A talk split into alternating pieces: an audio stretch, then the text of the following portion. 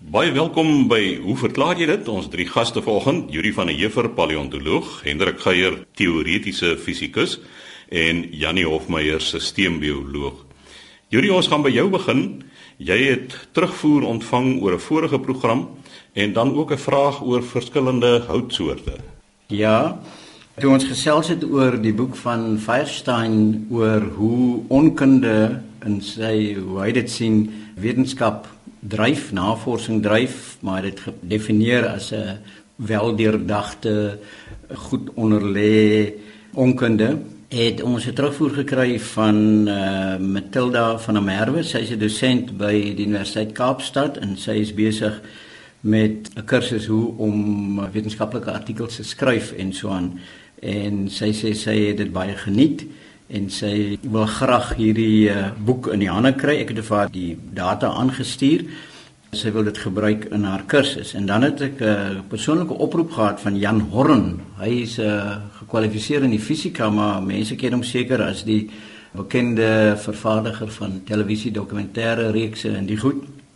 Uh, hy het sy waardering uitgespreek vir uh, die vraag wat daar gevra is en 'n boek aanbeveel wat 'n mens kan lees, 'n boek geskryf deur 'n man met die naam van Richard Tarnas of Tarnas in 1993 al The Passion of the Western Mind, Understanding Ideas that Have Shaped Our Worldview.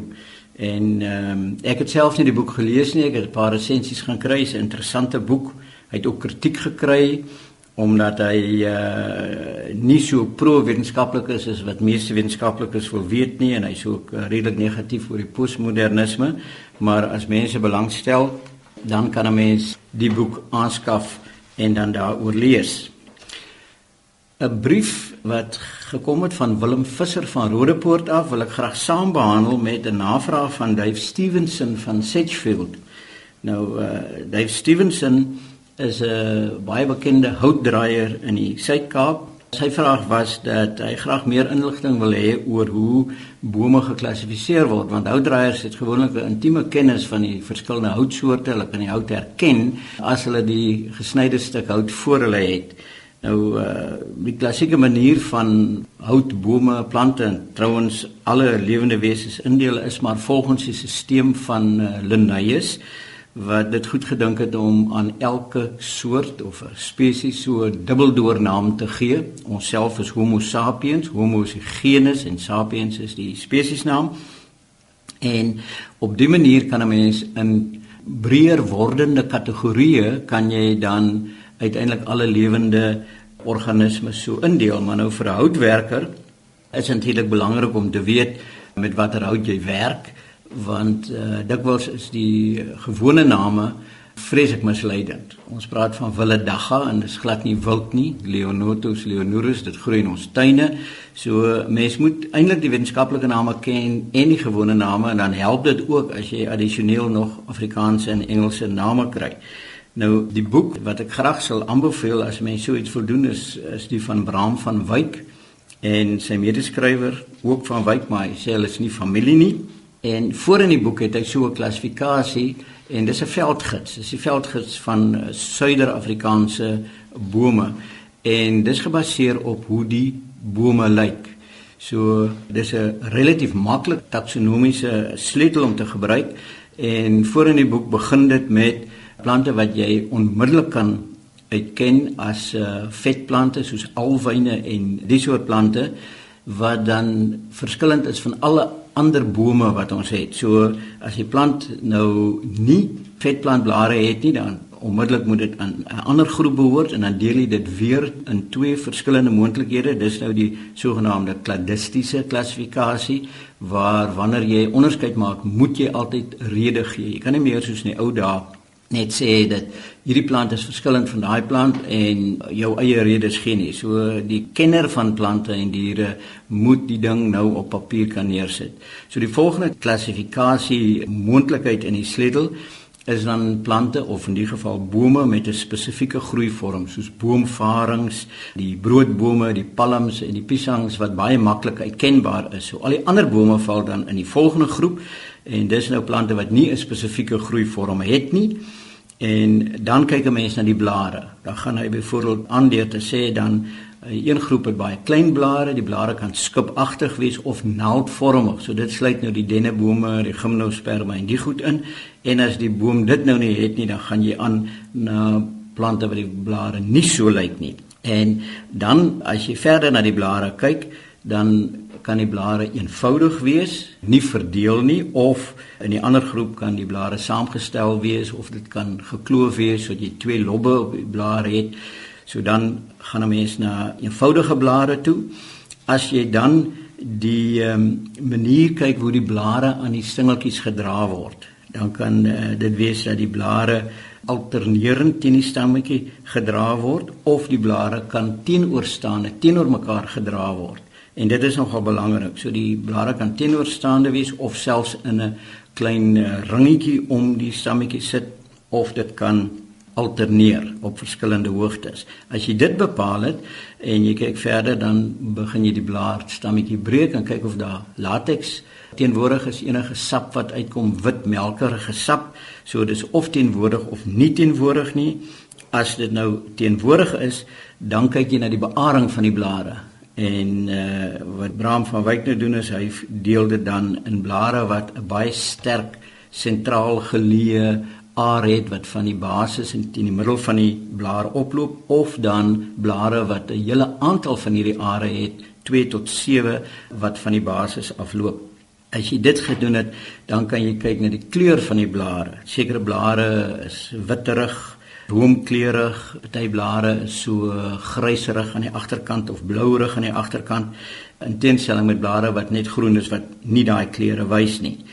Dan kan 'n mens kyk of daar stekels aanwesig is of stekels afwesig is en uiteindelik kan jy na die blaarrand toe gaan en dan kan jy kyk of die blaarrand glad is en of die blaarrand getand is of tandjies met ronde rande en in die geval kom ons sê jy kyk nou na die blare en dit is dan gladde randblare dan eindig jy by wat hy noem groep 10 en as 'n mens in groep 10 gaan kyk in sy boek op bladsy 202 dan kry jy nou die Kaapse boekenhout. En dit is die vraag wat Willem Visser van Rodepoort gevra het, maar mens moet nou by sê dat as jy by groep 10 kom in Bram van Wyk se boek, dan is daar omtrent 120 verskillende bome wat in groep 10 val. Ons self in Suid-Afrika het meer as 1000 spesies.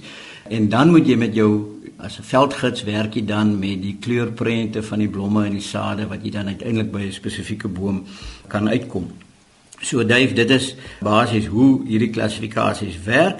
Willem Visser van Rodebot sê hy is toegewyde houtwerker en hy ehm um, hy doen moeite met die Afrikaanse name en dis goed om dit te doen. Mens moet egter die wetenskaplike name ook ken want as jy nou met hout werk dan het verskillende houtsoorte verskillende kwaliteite en dis dis goed om te weet dat jy met 'n spesifieke soort hout werk anders kan dit jou in 'n moeras laat beland. So sy vraag is nou is hickory dieselfde as okerneethout en is boekenhout dieselfde as beukhout. Nou Willem hickory en okerneet val in dieselfde familie. Die familie se naam is Euglandaceae. Ek spreek dit so uit want daar is 'n neiging by sommige botaniste om hierdie plantfamilies uit te spreek sodat die agterste gedeelte van die woord altyd as net C uitgespreek word. Soos ons praat van die Proteaceae, dan spreek hulle dit uit Proteaceae, waarskynlik om dit makliker te maak om te spel. Nou beide hierdie hickory wat ons van praat, ons kry dit as 'n geurmiddel vir braaihout en uh, die soort van goed behoort tot die genus Caria en nou is omtrent 17 tot 19 spesies bladwisselende bome.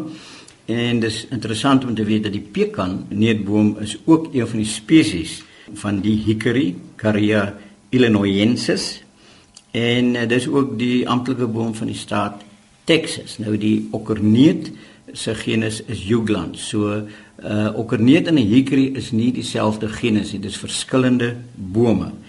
En ehm um, okerneet is 'n eetbare saad van enige boom van uh die genus Juglands en daar's nou 'n hele reeks goed jy die persiese of die Engelse okerneet en dan die swart okerneet van Noord-Amerika en die Kaliforniese swart okerneet. Ons hoef nou nie daarin in te gaan. Die Romeine het hierdie boom Europa toe gebring en die Engelse koloniste het dit weer in die 17de eeu na die VSA toe geneem.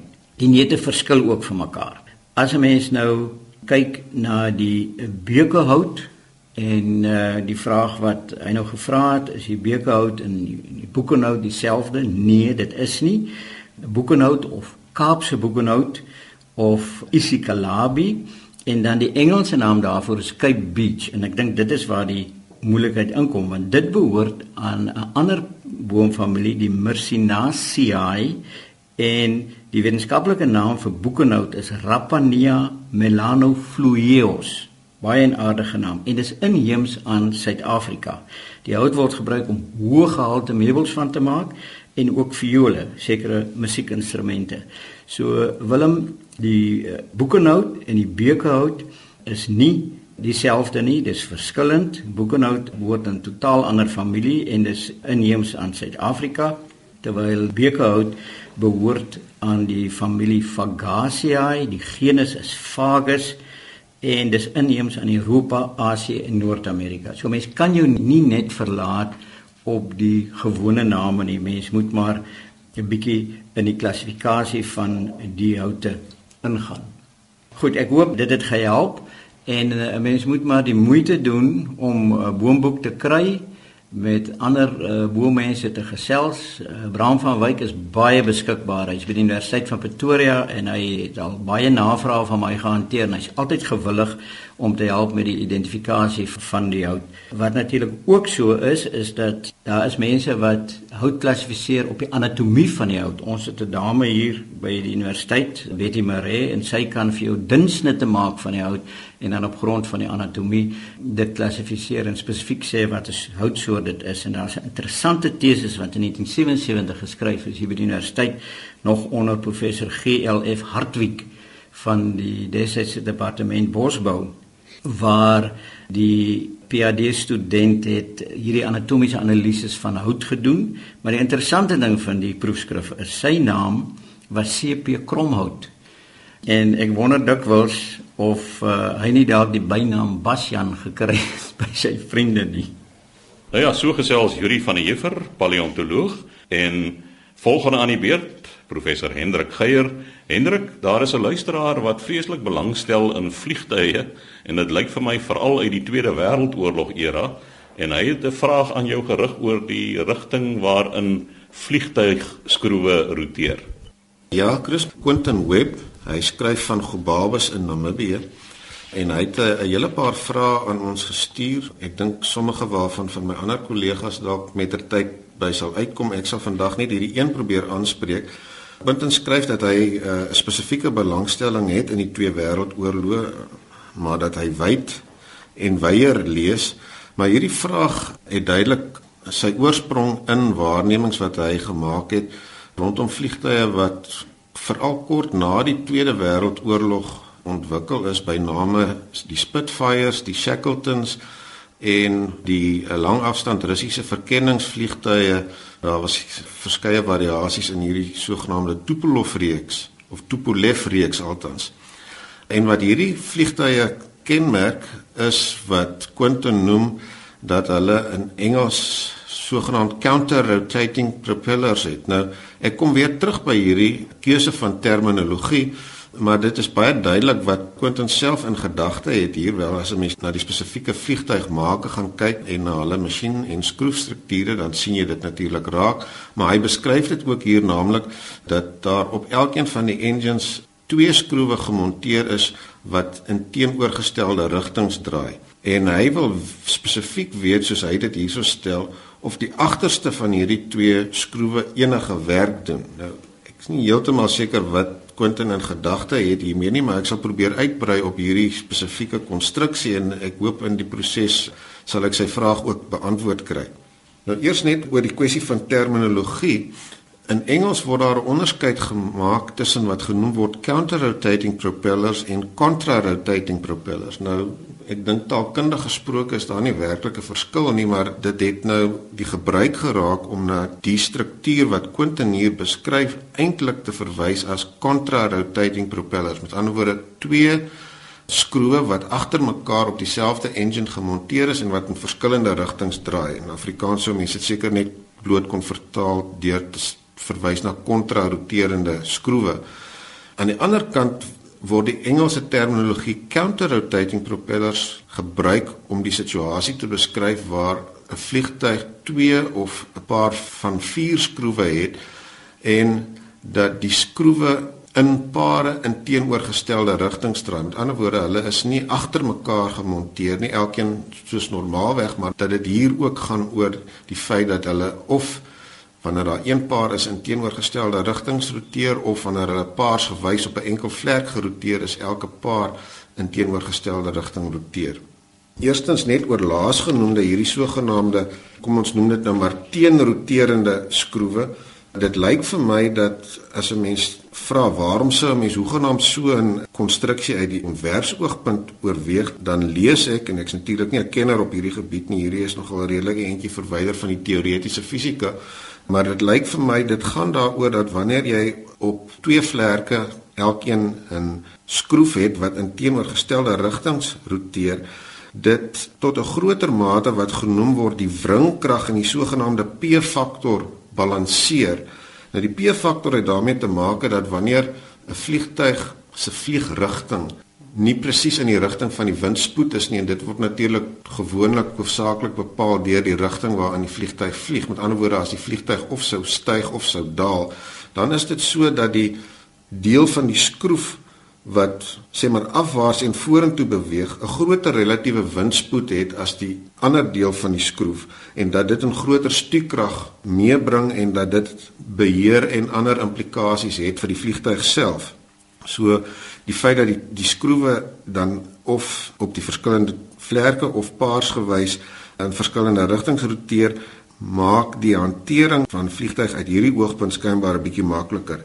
Net om 'n voorbeeld hier te noem, 'n vliegtuig wat sover ek kon agterkom eintlik nog steeds in die finale ontwikkelingsfase is, is die sogenaamde Airbus A400M Atlas. Dit is 'n militêre vragvliegtuig En luisteraars wat die wapensage in Suid-Afrika gevolg het, sal dalk onthou dat ons op 'n stadium 'n hele klompie van hierdie vliegtye by Airbus bestel het dat daardie afleweringsdatum met 'n tyd uitgestel is. Ons het uiteindelik daardie kooptransaksie gekanselleer en na berig word het ons ten minste die geld teruggekry. Hoop dit is so.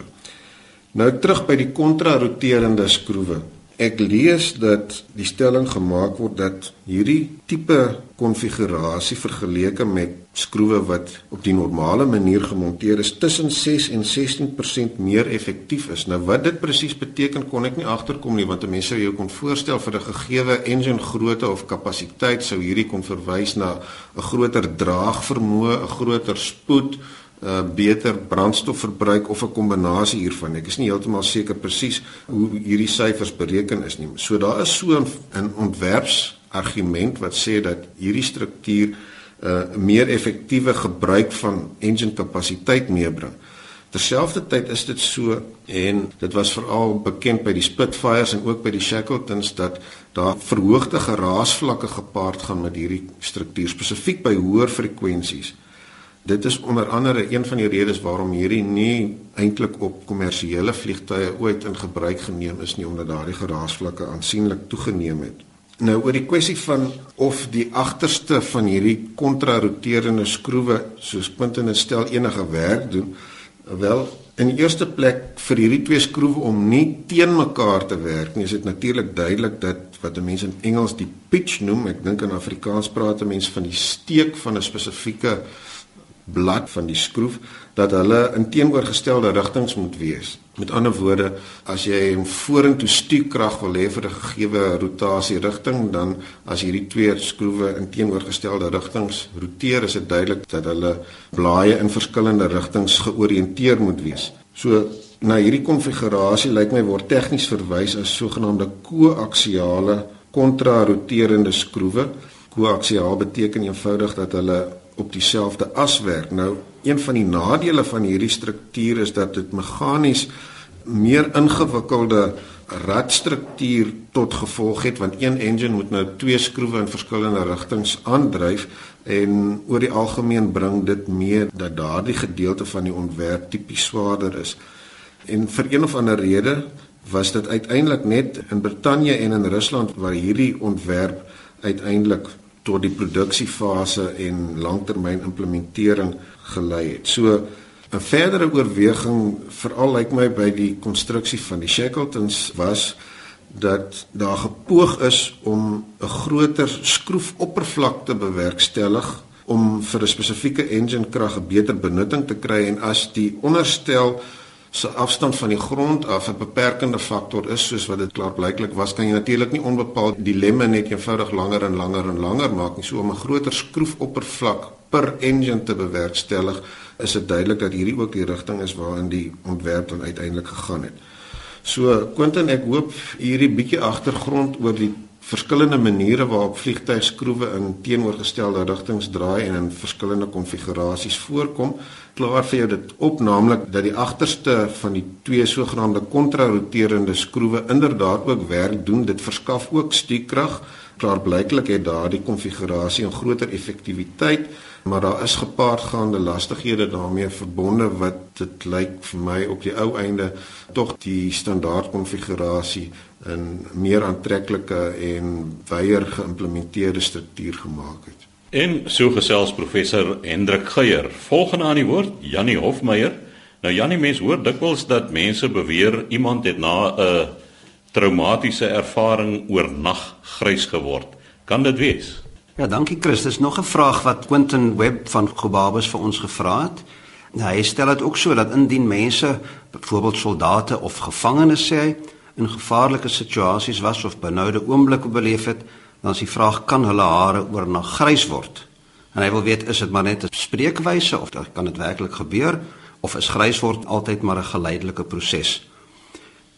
Daar is en dit is voorbeelde wat hy seker 'n gedagte het wat altyd opgehaal word wanneer daar oor oornag grys word gepraat het. Die bekende een is Marie Antoinette wat gedurende die Franse revolusie natuurlik onder die guillotine beland het in 1793 en die storie is dat sy skielik oornag in die nag voor haar onthoofding is sy grys geword. Voor dit was natuurlik nog 'n ander baie belangrike voorbeeld wat altyd opgehaal word en dis van Thomas More wat deur koning Henry die 8ste onthoof is in 1534 omdat hy geweier het om die koning tot die hoof van die Engelse kerk te verklaar, natuurlik nog hoër as die paus en dit was die probleem geweest. En hy wou dit nie doen nie en toe het hy nou maar ook soos Marie Antoinette 'n gedeelte van sy anatomie verloor. Hy is ook veronderstel om die aand voor sy onthoofding spierwit te geword het. Maar daar's natuurlik baie vroeër gedokumenteerde gevalle. Die heel eerste wat ek kon kry is in die jaar 83 voor Christus waar 'n 17-jarige geleerde aangestel is as hoof van die belangrikste Israeliese Talmudiese akademie. Maar sy vrou was bekommerd dat hy heeltemal te jonk gelyk het vir die job En uh, lyk my sy het soveel stres op hom geplaas dat hy 18 wit strepe in sy haardos ontwikkel. En uh, die Joodse rabbi geneesheer en filosoof Maimonides het toe gesuggereer dat dit die gevolg van veel eisende studie was. Nou wonder ek as ek so in die spieël kyk vir myself, die ou paar haartjies wat ek oor het wat spierwit is of dit ook al gevolg van die veel eisende studies, maar dan kyk ek Yuri wat hier langs my sit, die lyk ook min of meer so.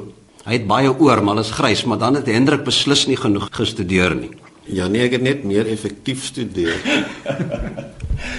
Vraag bly nog steeds staan, kan dit wel gebeur? Daar is 'n tegniese term vir hierdie idee van hare wat skielik wit word, dis canisius subita. Nou canisius, dit is van die latynse woord vir grys canus subita vir die klassieke musisi wat uit hulle musiek sal sien subito piano beteken speel skielik sagter. Nou so canisius subita beteken skielik grys word. Maar dit is sodat hare eenvoudig nie oornag wit kan word. Een enkele haar kan nie oornag wit word nie. Dit neem altyd baie baie langer en dit is 'n fisiese proses. Ehm um, mens moet besef, miskien 'n klein bietjie meer teruggaan na die fisiologie van die hele saak.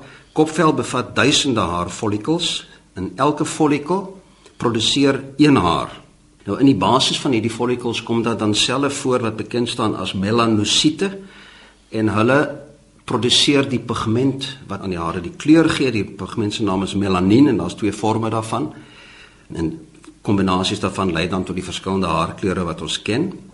Die haar self, die bestaan uit 'n uh, proteïen, hare en die buitenste laag van die vel, vingernaels almal dieselfde soort proteïen met die naam van keratien.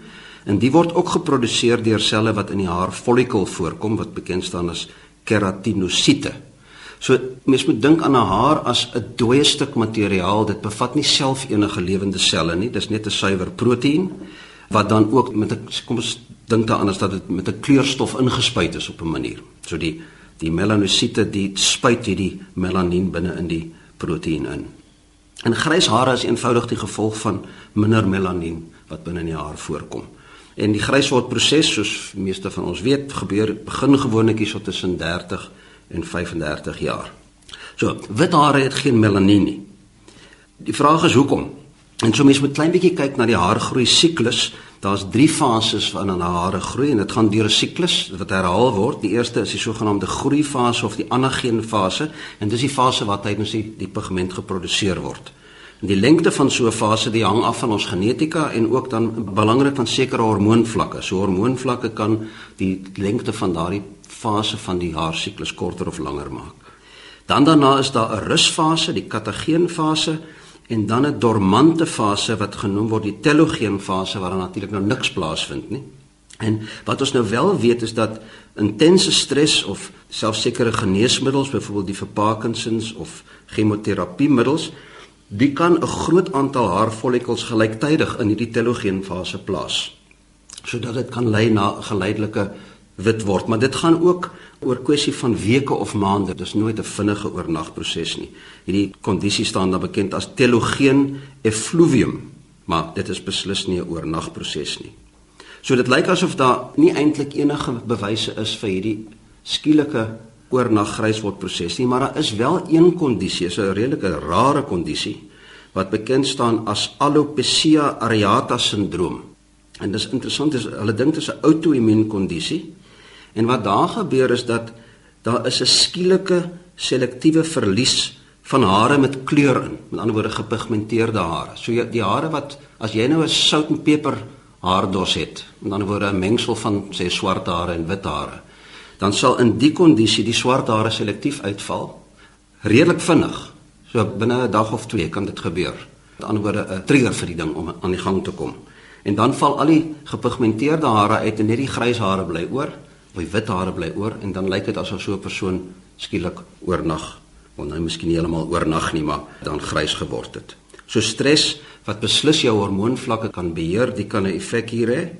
En so daar is miskien hier en daar wel 'n voorbeeld van so 'n tipe van skielike vergrysing, maar dan is dit raar en dit mag dalk as gevolg van hierdie spesifieke sindroom wees. Anderster is daar nie eintlik enige wetenskaplike getuienis vir hierdie proses nie. Nou ja, die tyd het ons ongelukkig weer ingehaal. U is welkom om te skryf aan ons met vrae en rig dit aan. Hoe verklaar jy dit? Posbus 2551 Kaapstad 8000 of 'n e-pos aan chris@rsg.co.za